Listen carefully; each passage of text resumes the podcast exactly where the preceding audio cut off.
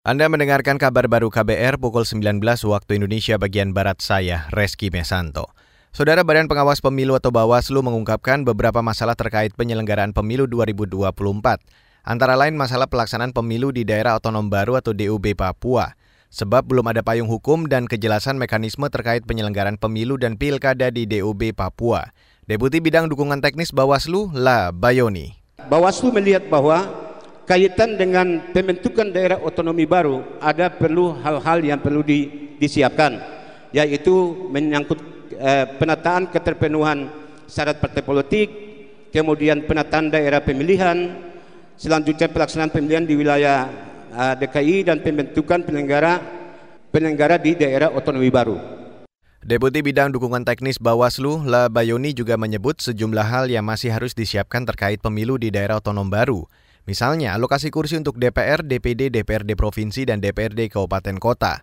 Sebelumnya, Komisi Pemilu DPR telah menyepakati penerbitan peraturan pemerintah pengganti Undang-Undang tentang penyelenggaraan pemilu 2024 di tiga wilayah DOB Papua. Perpu tersebut kini masih dirancang Kemendagri. Beralih ke berita selanjutnya, Saudara.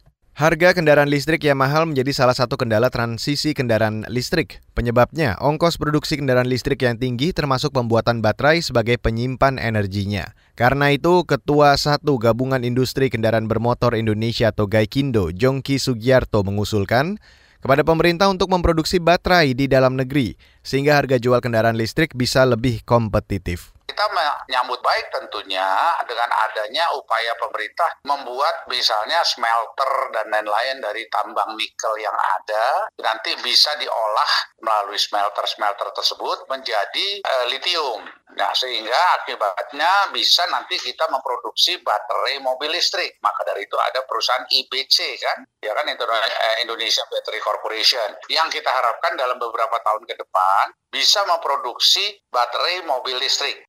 Ketua 1 Gaikindo Jongki Sugiharto mengungkapkan baterai mobil listrik menyumbang 40% persen dari total harga kendaraan listrik.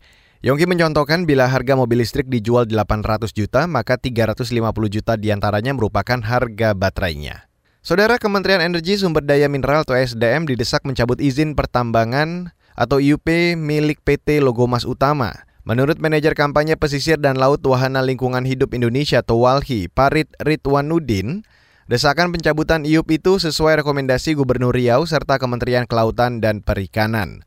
Sebab aktivitas penambangan pasir laut PT Logo Mas Utama berdampak pada abrasi pantai di Pulau Rupat di Kabupaten Bengkalis, Riau. Kedatangan kawan-kawan Walhi Riau dan kawan-kawan Pulau Rupat tentu ada maksud dan tujuan ya. Tujuan utamanya tentu adalah untuk ya meminta ketegasan kepada menteri atau kepada ya menteri SDM untuk mencabut izin usaha pertambangan yang sudah mereka keluarkan ya karena banyak sekali aturan yang dilanggar. Hari ini dua nelayan Pulau Rupat didampingi Walhi mengadukan PT Logo Mas Utama ke Kementerian Kelautan dan Perikanan. Komnas HAM, Kantor Sekretariat Presiden, dan Kemenko Polhukam. Sebelumnya, Direktur PT Logo Mas Utama mengklaim perusahaannya mengantongi izin mengeruk pasir laut hingga enam tahun ke depan. Area penambangan pasir laut di perairan Pulau Rupat, Riau itu diklaim mencapai lebih dari 5.000 hektar. Dan saudara, demikian kabar baru saya Reski Mesanto.